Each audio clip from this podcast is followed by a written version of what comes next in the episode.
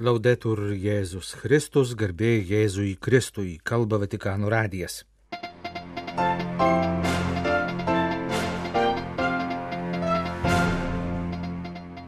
Popiežius sekmadienio vidudienį šventoji dvasia mus guodžia ir gina. Sekmadienį popiežius prašė melstis už taiką ir santarvę šventoje žemėje, taip pat pakartojo prašymą melstis už Ukrainą. Junktinių tautų organizacijos atstovas vadovaujantis pagalbos palestiniečiams pabėgėliams agentūrai davė interviu Vatikano radijui. Tokijo arkivyskupas išrinktas Karitas internacionalis vadovu. Savaitė Lietuvoje. Gedriaus Tamaševičiaus parengta spaudos apžvalga. Šeštojo Velykų sekmadienio mišių Evangelijoje Jėzus pažada atsiųsti globėją tiesos dvasę, kuri pasiliks su mumis per amžius. Evangelistas Jonas vartoja graikišką žodį parakletos, kuris reiškia ne tik globėją, bet taip pat godėją ir gynėją.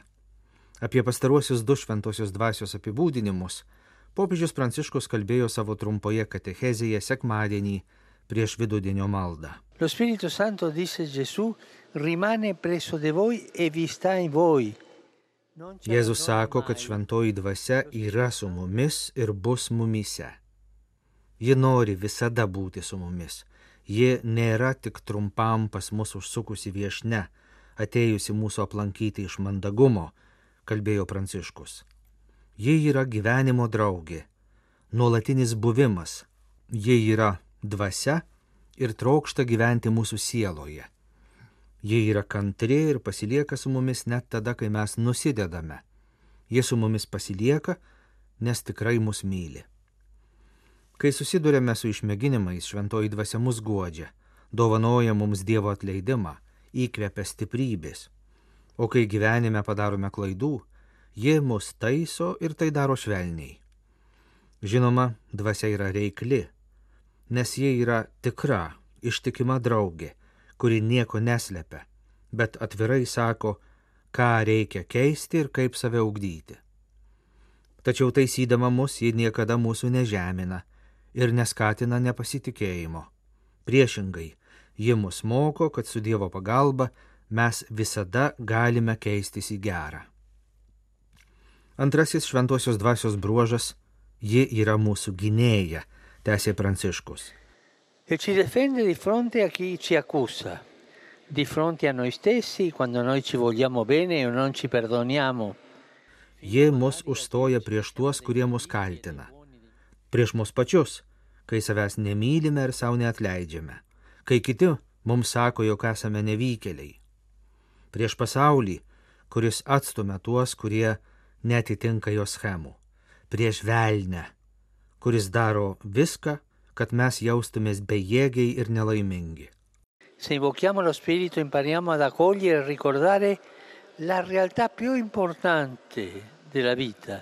Jei šauksimės šventosios dvasios, išmoksime priimti ir visada atsiminti svarbiausią gyvenimo tiesą, kuri mus apsaugo nuo piktojo kaltinimų. Kad mes esame mylimi Dievo vaikai sakė popiežius sekmadienio vidudienio maldos susitikimo dalyviams ir prašė, kad kiekvieną savęs paklaustume, ar šaukiamės šventosios dvasios, ar dažnai jai meldžiamės, ar klausome jos, kai ji mus drąsina ir kai mus pataiso, ar atsimename, kad esame mylimi Dievo vaikai. Baigdamas trumpą sekmadienio Evangelijos komentarą, popiežius meldė Dievo motiną, kad ji mums padėtų nuolat jausti šventosios dvasios artumą ir būti klusniems jos balsui. Benedicat vos omnipotens Deus, Pater, Filius et Spiritus Sanctus. Amen. Po sekmadienio vidudinio maldos popiežius atkreipė dėmesį į naują smurto bangą šventojoje žemėje. Prašė melstis už taiką, bei pakartojo raginimą maldose visada atsiminti Ukrainą. In questi giorni abbiamo assistito di nuovo a scontri armati e. Pastarosiomis dienomis vėl matėme izraeliečių ir palestiniečių ginkluotus susirėmimus, per kuriuos žuvo nekalti žmonės, įskaitant moteris ir vaikus, kalbėjo Pranciškus. Tikiuosi, kad ką tik pasiektos paliaubos bus stabilios, kad ginklai nutils, nes ginklais niekada neįmanoma pasiekti saugumo ir stabilumo, bet priešingai žlunga bet kokia taikos viltis. Popiežius taip pat prašė maldą kreiptis į Dievo motiną ir prašyti jos užtarimo kenčiantiems Ukrainos žmonėms ir visoms karo ir smurto sužeistoms tautoms. Pastarųjų keliarių metų, ypač pastarųjų mėnesių poslinkiai Palestinoje, padidėjusi įtampa dėl Palestinos ir Izraelio konflikto liudija, kad taika dar niekad nebuvo tokia nepasiekiama, kaip dabar pažymėjo Filip Lazarinį, Jungtinių tautų pagalbos ir darbų agentūros Palestinos pabėgėliams artimuosiuose rytuose generalinis komisaras. Pokalbėje Vatikano radijui prieš jo susitikimą su popiežiumi Filip Lazarinį patikino, kad atvyko į Vatikaną, kad perduotų palestiniečių pabėgėlių pagalbos šauksmą. Anot komisaro, palestiniečiai nusivylę tarptautinę bendruomenę. Artimųjų rytų regione vyrauja įsitikinimas, kad pasaulio tautų bendruomenė nusigrėžė nuo palestiniečių. Jie jaučia, kad pasaulis nebesidomi šio konflikto sprendimu.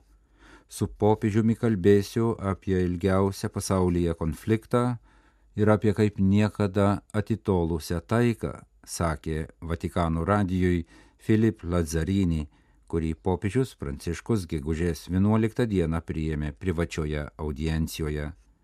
Šventojo sosto moralinis autoritetas yra labai didelis, jis gali vadinti svarbu vaidmenį didinant samoningumą, pridūrė Filip Lazzarini, papasakojęs apie Junktinių tautų pagalbos ir darbų agentūros Palestinos pabėgėliams artimuosiuose rytuose sunkumus. Nuo 2010 metų pagrindiniai agentūros donorai sumažino jos finansavimą. Šiuo metu žydų ir palestiniečių konflikto sprendimas nebėra valstybių prioritetas, o tai sukelia didelį abejingumą pačios agentūros atžvilgių, ypač arabų kraštuose. Jei viena vertus įplaukos sumažėjo, antra vertus išaugo poreikiai dramatiškame infliacijos kontekste, sakė jungtinių tautų pareigūnas. Tokia situacija visiškai nepriimtina, iš agentūros prašoma, kad veiktų kaip tikra valstybė ugdymo ir medicinos sferose. Tačiau ji neturi tokių finansinių išteklių kaip valstybės. Sunki finansinė situacija yra pagrindinė grėsmė jos egzistavimui, sakė Vatikano radijui Filip Lazzarini. Jis reiškia vilti, kad kitais metais sukaksiančios agentūros įsteigimo 75-osios metinės bus proga jungtinių tautų organizacijai iš naujo mobilizuoti tarptautinę bendruomenę ir atnaujinti darybas dėl seniausio pasaulyje konflikto sprendimo. Spalio 4-29 dienomis Vatikane vyksiančios vyskupų sinodo asamblėjos darbo dokumento Instrumentum Laboris rengimas jau priartėjo prie pabaigos. Dokumento projektą šiomis dienomis redagavo ir patvirtino Sinodo asamblėjos įpareigoti asmenys. Galutinis Instrumentum Laboris tekstas bus paskelbtas birželio mėnesį, informavo penktadienį, gegužės 12 dieną Vyskupų sinodo generalinis sekretoriatas. Sekretoriato 15 eilinė taryba posėdžiavo Romoje gegužės 10-11 dienomis. Posėdėje pristatytas Vyskupų sinodo 16 eilinės generalinės asamblėjos pirmosios sesijos darbo dokumento instrumentum laboris projektas. Tarybos nariai ir patarėjai plenarinėme posėdėje ir darbo grupėse peržiūrėjo dokumentą, jį papildė ir patvirtino. Be to, posėdžio dalyviai patvirtino asamblėjos metodologiją ir klausėsi pranešimo apie Vatikane asamblėjos išvakarėse vyksiančios ekumeninės maldos vigilijos dalyvius ir programą. Apie pastarąjį renginį išsameu pranešama įvykiui skirtoje svetainėje Together 2023.net. Karitas Internacionalis turi naują prezidentą, juo tapo Tokijo arkivyskupas Tarcizijus Izao Kikučiai. Ketverių metų kadenciją jis buvo išrinktas gegužės 13 dieną per Romoje vykstančią federacijos vienijančios 165 nacionalinės karitas organizacijas generalinę asamblėją. Tokijo arkivyskupas jau 30 mečius dalyvauja karitas veikloje. 1995 metais jis kaip savanoris dirbo pabėgėlių stovykloje tuometinėme Zaire. Vėliau jis vadovavo Japonijos karitas, taip pat ėjo Azijos karitas prezidento pareigas. Karitas internacionalis generalinė asamblėja, kurioje dalyvauja 400 delegatų iš 150 pasaulio šalių, truks iki gegužės 16 dienos.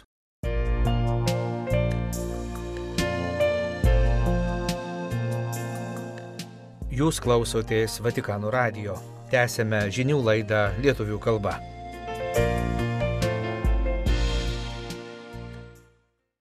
Savaitė Lietuvoje Gedrius Tamaševičius apžvelgia, ką spauda ir interneto svetainės rašė apie bažnyčios gyvenimo įvykius Lietuvoje. Praėjusį sekmadienį Lietuvoje minėtos motinos dienos proga dienraštis Bernardinai LT paskelbė išsamų Jurgos Žiugždienės pokalbį su rašytoja trijų vaikų mama Laura Sintija Černiauskaitė. Atsakydama į klausimą, kaip atsivertimo patirtis ir tikėjimas praturtino jos motinystę, rašytoja kalbėjo. Kai maldoje išgyvenu Dievo dvasios artumą, iš jo mokausi būti su savo vaikais. Banaliai pasakius, kaip mane myli viešpats, taip aš stengiuosi mylėti savo vaikus tarsi nieko nereikalaudamas, su didžiulė meile viešpats duoda žmogui daug erdvės, tačiau jo meilė vis dėlto yra ganėtinai reikli, nes įpareigoja pasirinkti teisingai. Jo suteikta laisvė nereiškia daryti bet ką, kas tik šaus į galvą.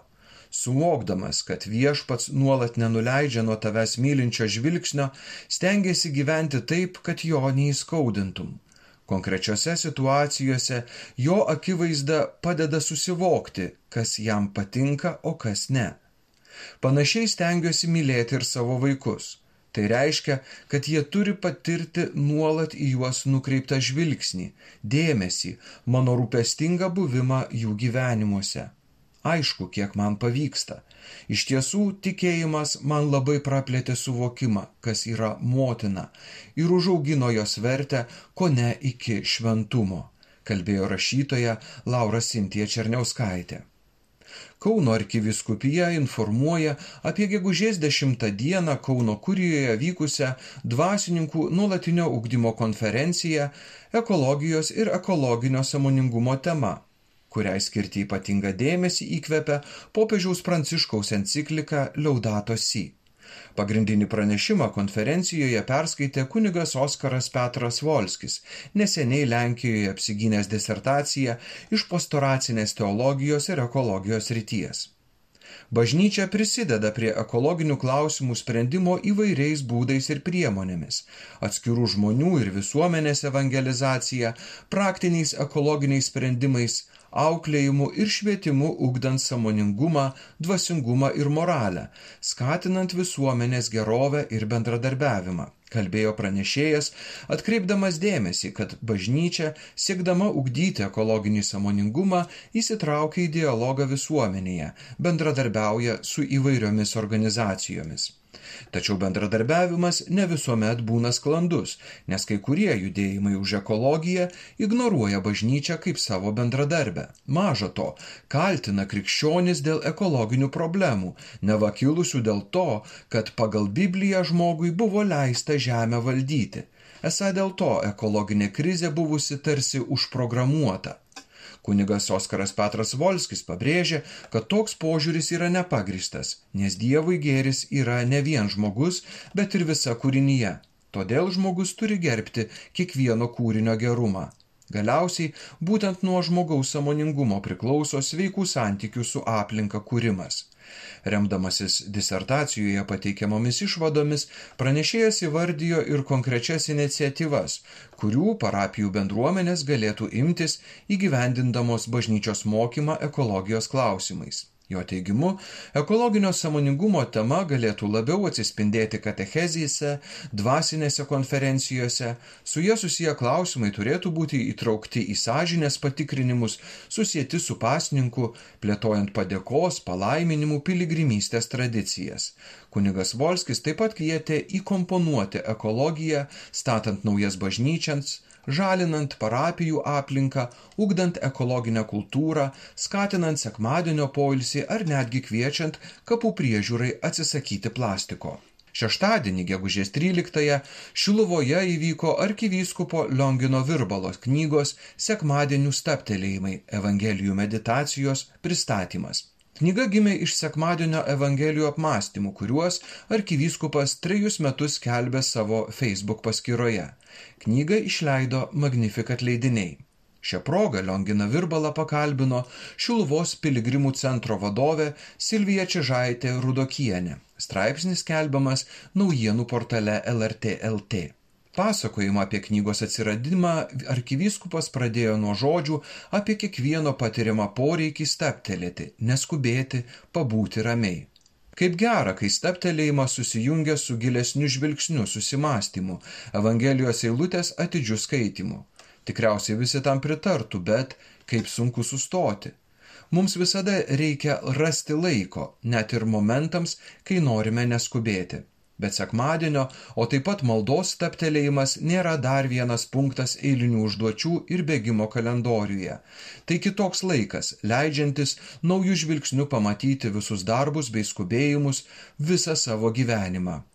Rašydamas sekmadienio Evangelijų apmąstymus Facebook paskyroje, norėjau skaitytojus pakviesti taip staptelėti, o ne vien bėgti per nesibaigiančias naujienas, dažnai tokias bereikšmės.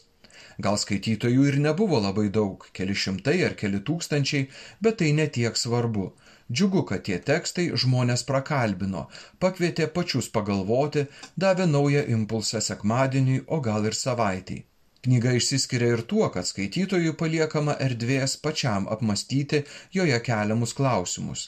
Arkiviskupas Virbalas pabrėžia samoningai siekęs, kad meditacijų tekstai nebūtų sukramtyti, Norėjau ir noriu, kad patys skaitytojai galvotų, ieškotų atsakymų, mąstytų. Niekas neverčia sutikti su tuo, kas parašyta. Tai mano asmeninės mintys. Dievo žodis kiekvieną prakalbina savaip. Net tas pats tekstas, skaitomas po kurio laiko, jau kitaip nuskamba, atskleidžia kitus akcentus. Kartais ir aš pats neturėjau atsakymų, taigi dalinausi klausimais. Visi esame kelyje, tikėjimo kelyje. Nėra taip, kad vieni viską žinotų ir tarsi nuo kokio kalno ar bokšto reguliuotų kitų judėjimą. Visi einame kartu, padėdami vieni kitiems, dalindamiesi savo žiniomis, patirtimi, paskatindami ir palaikydami vieni kitus. Pristatydamas knygą kalbėjo arkivyskupas Lionginas Virbalas. Gedrius Tamaševičius Vatikano radijui iš Vilniaus.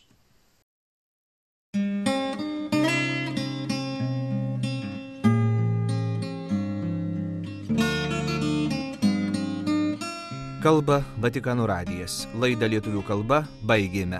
Garbėjai Jėzui Kristui, laudetur Jėzus Kristus.